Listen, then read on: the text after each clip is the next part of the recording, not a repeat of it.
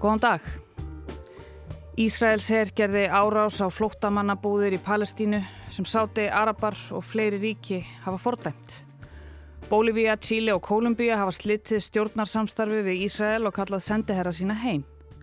Hundruð barna deyja í stríðinu á hverjum degi og hátt í tíu þúsund hafa dáið síðan 7. oktober, mest palestínufólk, konur og börn. Þetta er ógeðslegt ástand. Hérna heima reynum við að fylgjast með, taka afstöðu, mynda okkur skoðanir og skipta um þær eftir aðtökum. Taka þetta ekki of mikið inn á okkur án þess að loka þó kvorki augum nýja eirum. Sum hafa meira sér fengið þau ráð frá sálgæslu fólki að hætta bara að fylgjast með fréttum. Farið var með átjón mánuða særðastúlku í sjúkraskíli í Rafa í söður hluta Gaza í gær. Stríðið á milli Ísrael og Palestínu hefur verið viðvarandi lengi sem sérst meðal annars á því að fyrst var neyðar úrræði saminuðu þjóðuna vegna þess virkjað árið 1997. Svo var þarna atkvæðagreisla um daginn þar sem Ísland satt hjá. Það þótti mörgum ekki gott. Ég er ekki til í að horfa á þjóðarmorð í beinni. Allt í einu fóru fréttir að snúast um tímasetningu einhverja tölvuposta á milli Katrínar Jakobsdóttur og Bjarnar Benediktssonar eða ráðunitað þeirra. Auðaríkisráðunetið upplýsti forsætisráðunetið um að Ísland myndi sitja hjá við atkvæðagreislu um vopnarli á Gaza 11 mínútum áður en fundur um atkvæðagreisluna hófst. Hver vissi hvað hvenar, hver var með í ráðum og af hverju við sem þjóð viljum ekki frið, vissi Katrín að þessu, er þetta afstæða af afgi, er Bjarni bara taka ákvarðanir einn, vil hann ekki frið, hver stjórnar eiginlega þessari ríkistjórn? Þetta er flókið, stort og smátt, satt og alls ekki satt, alvarlegt og ekkert svo alvarlegt. En það fer allt eftir því hvernig maður lítur á það. Ég heiti Sunna Valgerðardóttir og í þetta helst í dag ætla ég að stikla á ymsu hvað varðar Ísrael og Palestínu, stríðinu þar sem fólk deyr og þjáist og litla stríðið hér heima þar sem við rýfumst um tölvupústsendingar. Og konan sem ætlar að hjálpa mér við það síðastnemda, tölvupústana á það, er svo sama og við heyrðum í hérna rétt aðan. Við sem fylgjumst með stjórnmálum, við gefum okkur að þetta veri rætt við ríkistjórnaborðið. Þessi, en byrjum á laugadæginum síðasta, í hátteginu.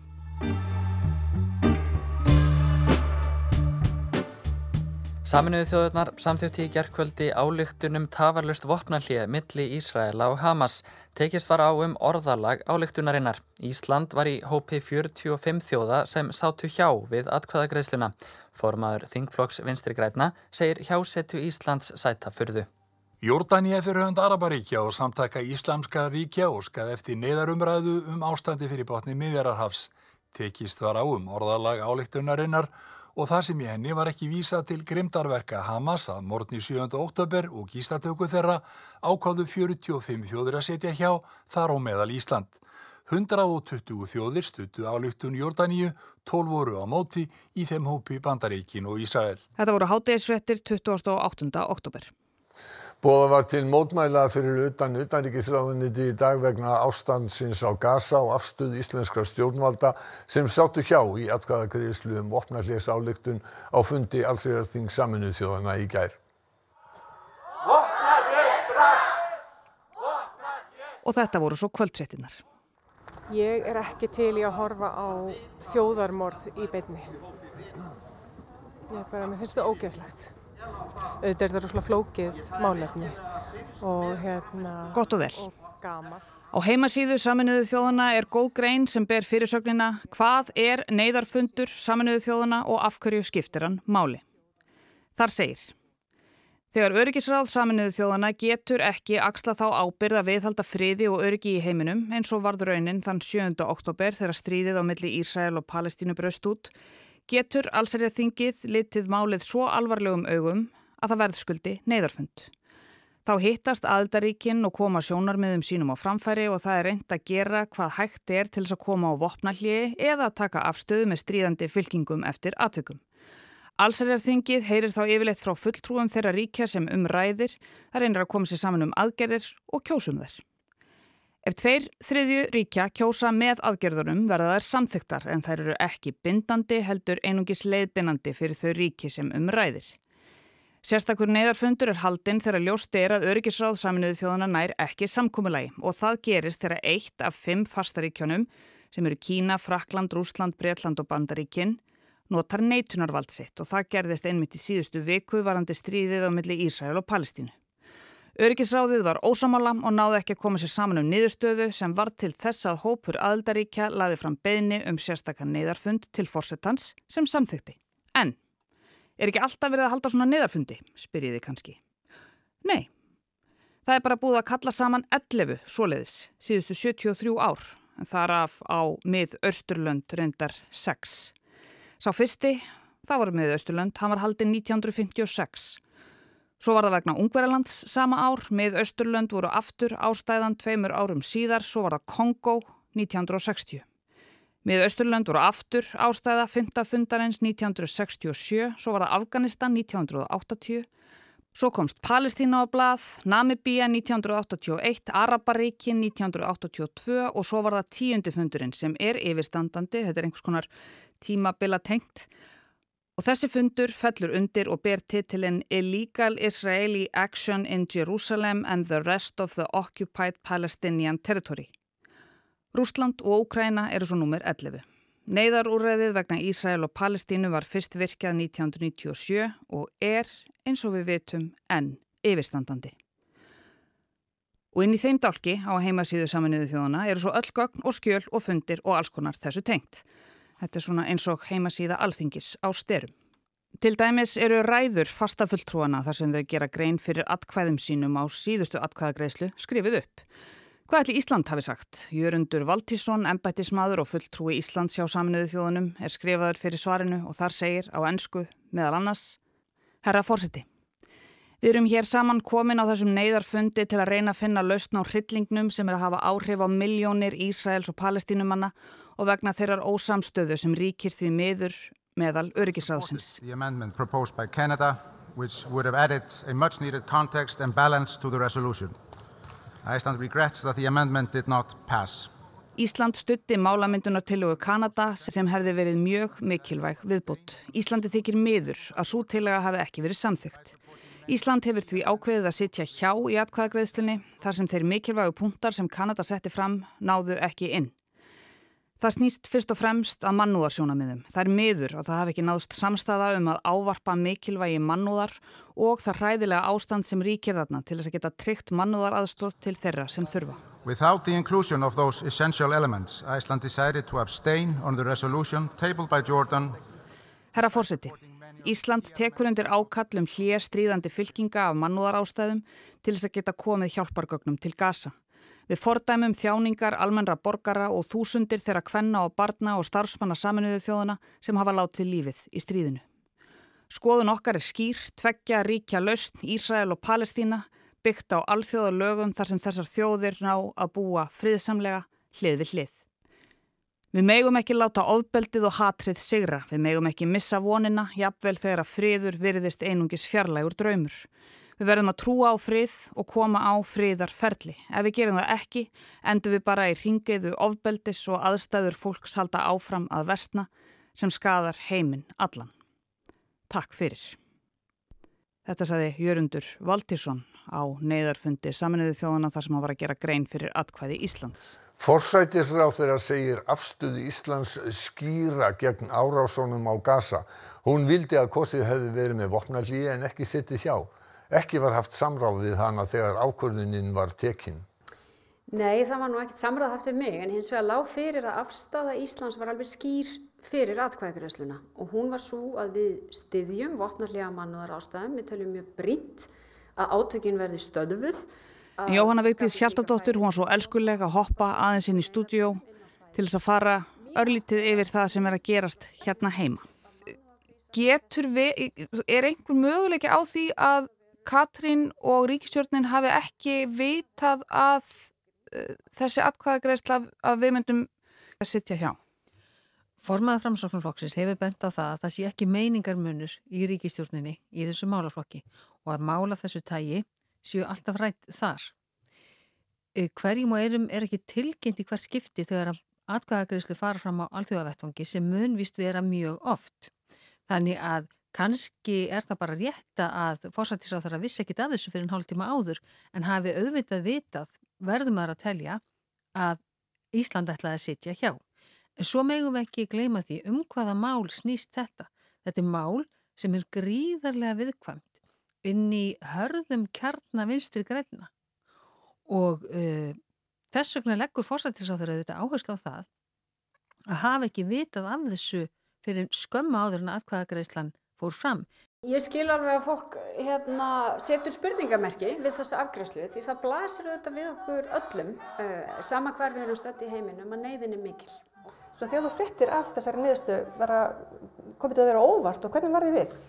Já, kannski var ég nú bara að vona að það hefði nást saman uh, og auðvitað er það gríðarlega vond að það náist ekki saman eða breyðar í samstað á vettfangi saminuðu þjóðanu um nálgun á þessi mál. Við vitum ekki hvort að hún hefði, ef hún hefði vitað þessu fyrr, hefði hún til dæmis bóðið til ríkistjórnafundar og sagt, heyrðu, við eigum að greiða að hvað öðruvísi. Við vitum það ekki, því við höfum ekki spurt hann að því. Mm -hmm, einmitt. Það er kannski að spyrja hann að því.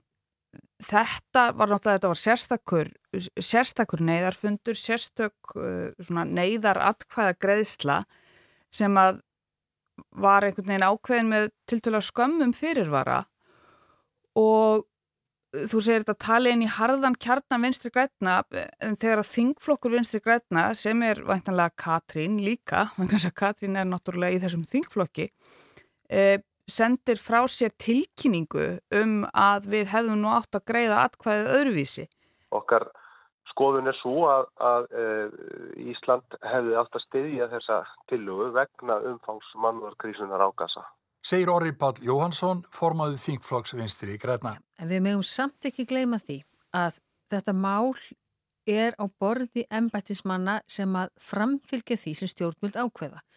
Embættismadur Íslands er á þessu þingi, gerir grein fyrir atkvæði Íslands og kemur skýrt á framfæri eh, skoðun fordamingu í Íslands á stríði og styrjöldum og svo framins, hvar sem er og af mm. hendi hverja sem er.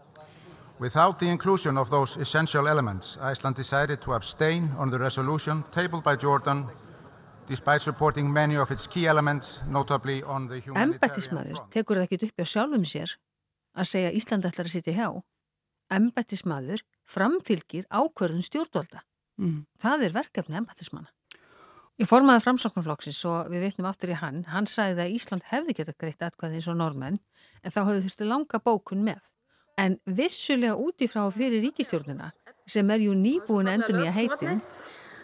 Ástæðan fyrir því að við vildum vera hér er að þetta hús er eitt af því sem við ákvaðum að setja af stað þegar við tókum við sem ríkistjórn í loka ást 2017 þegar við ákvaðum að setja uppbyggingu innviða í forgang. Hefði kannski verið meira sannfærandi að koma fram og segja þetta er sameiginlega ákvörðun ríkistjórnarnar að setja hjá við þessa atkvæðagreðslu af því að það var ekki samtíkt þessi sérstakka bókun kanadamanna.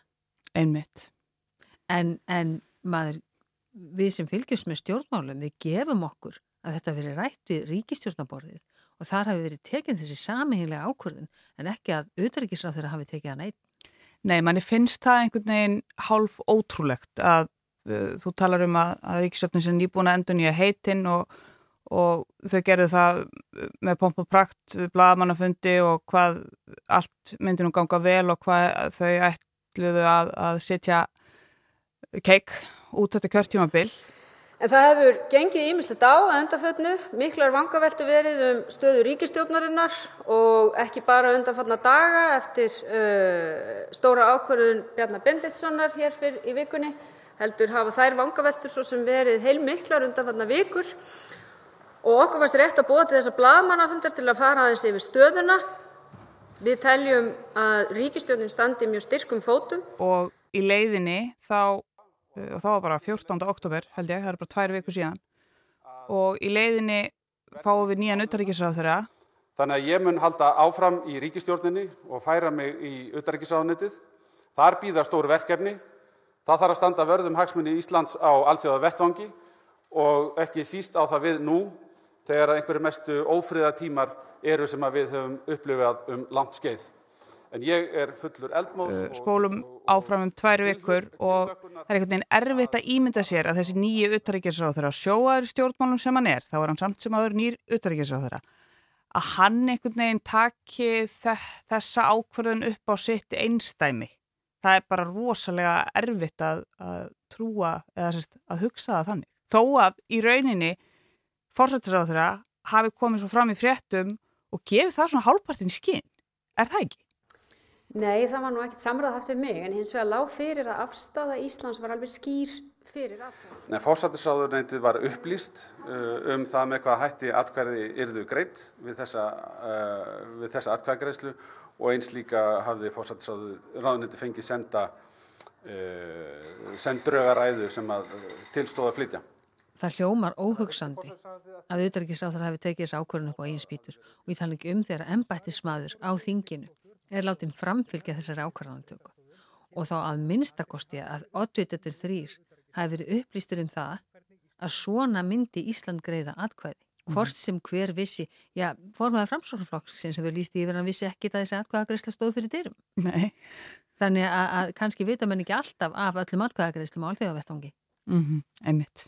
Og hvað heldur þetta að hafa einhver áhrif á, ég ætla ekki að segja ríkistjórnarsamstarfið, en þú veist, hvað áhrif hefur þetta fyrir Vafki til dæmis? Þessi ríkistjórn er staðráðin í að klára þetta kjörtíðanbill og það má kannski hugsa frekar hvað þýðir þetta fyrir vinstri græn mm -hmm. þessum eftir lifir af þessu kjörtíðanbili og hvað þýðir þetta fyrir vinstri græn í næstu alþingiskostningum mm. Mm.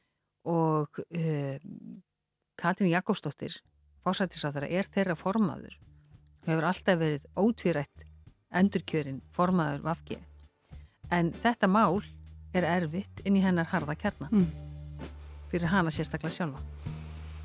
Jóhanna Vitís, þakka þér fyrir þína visku.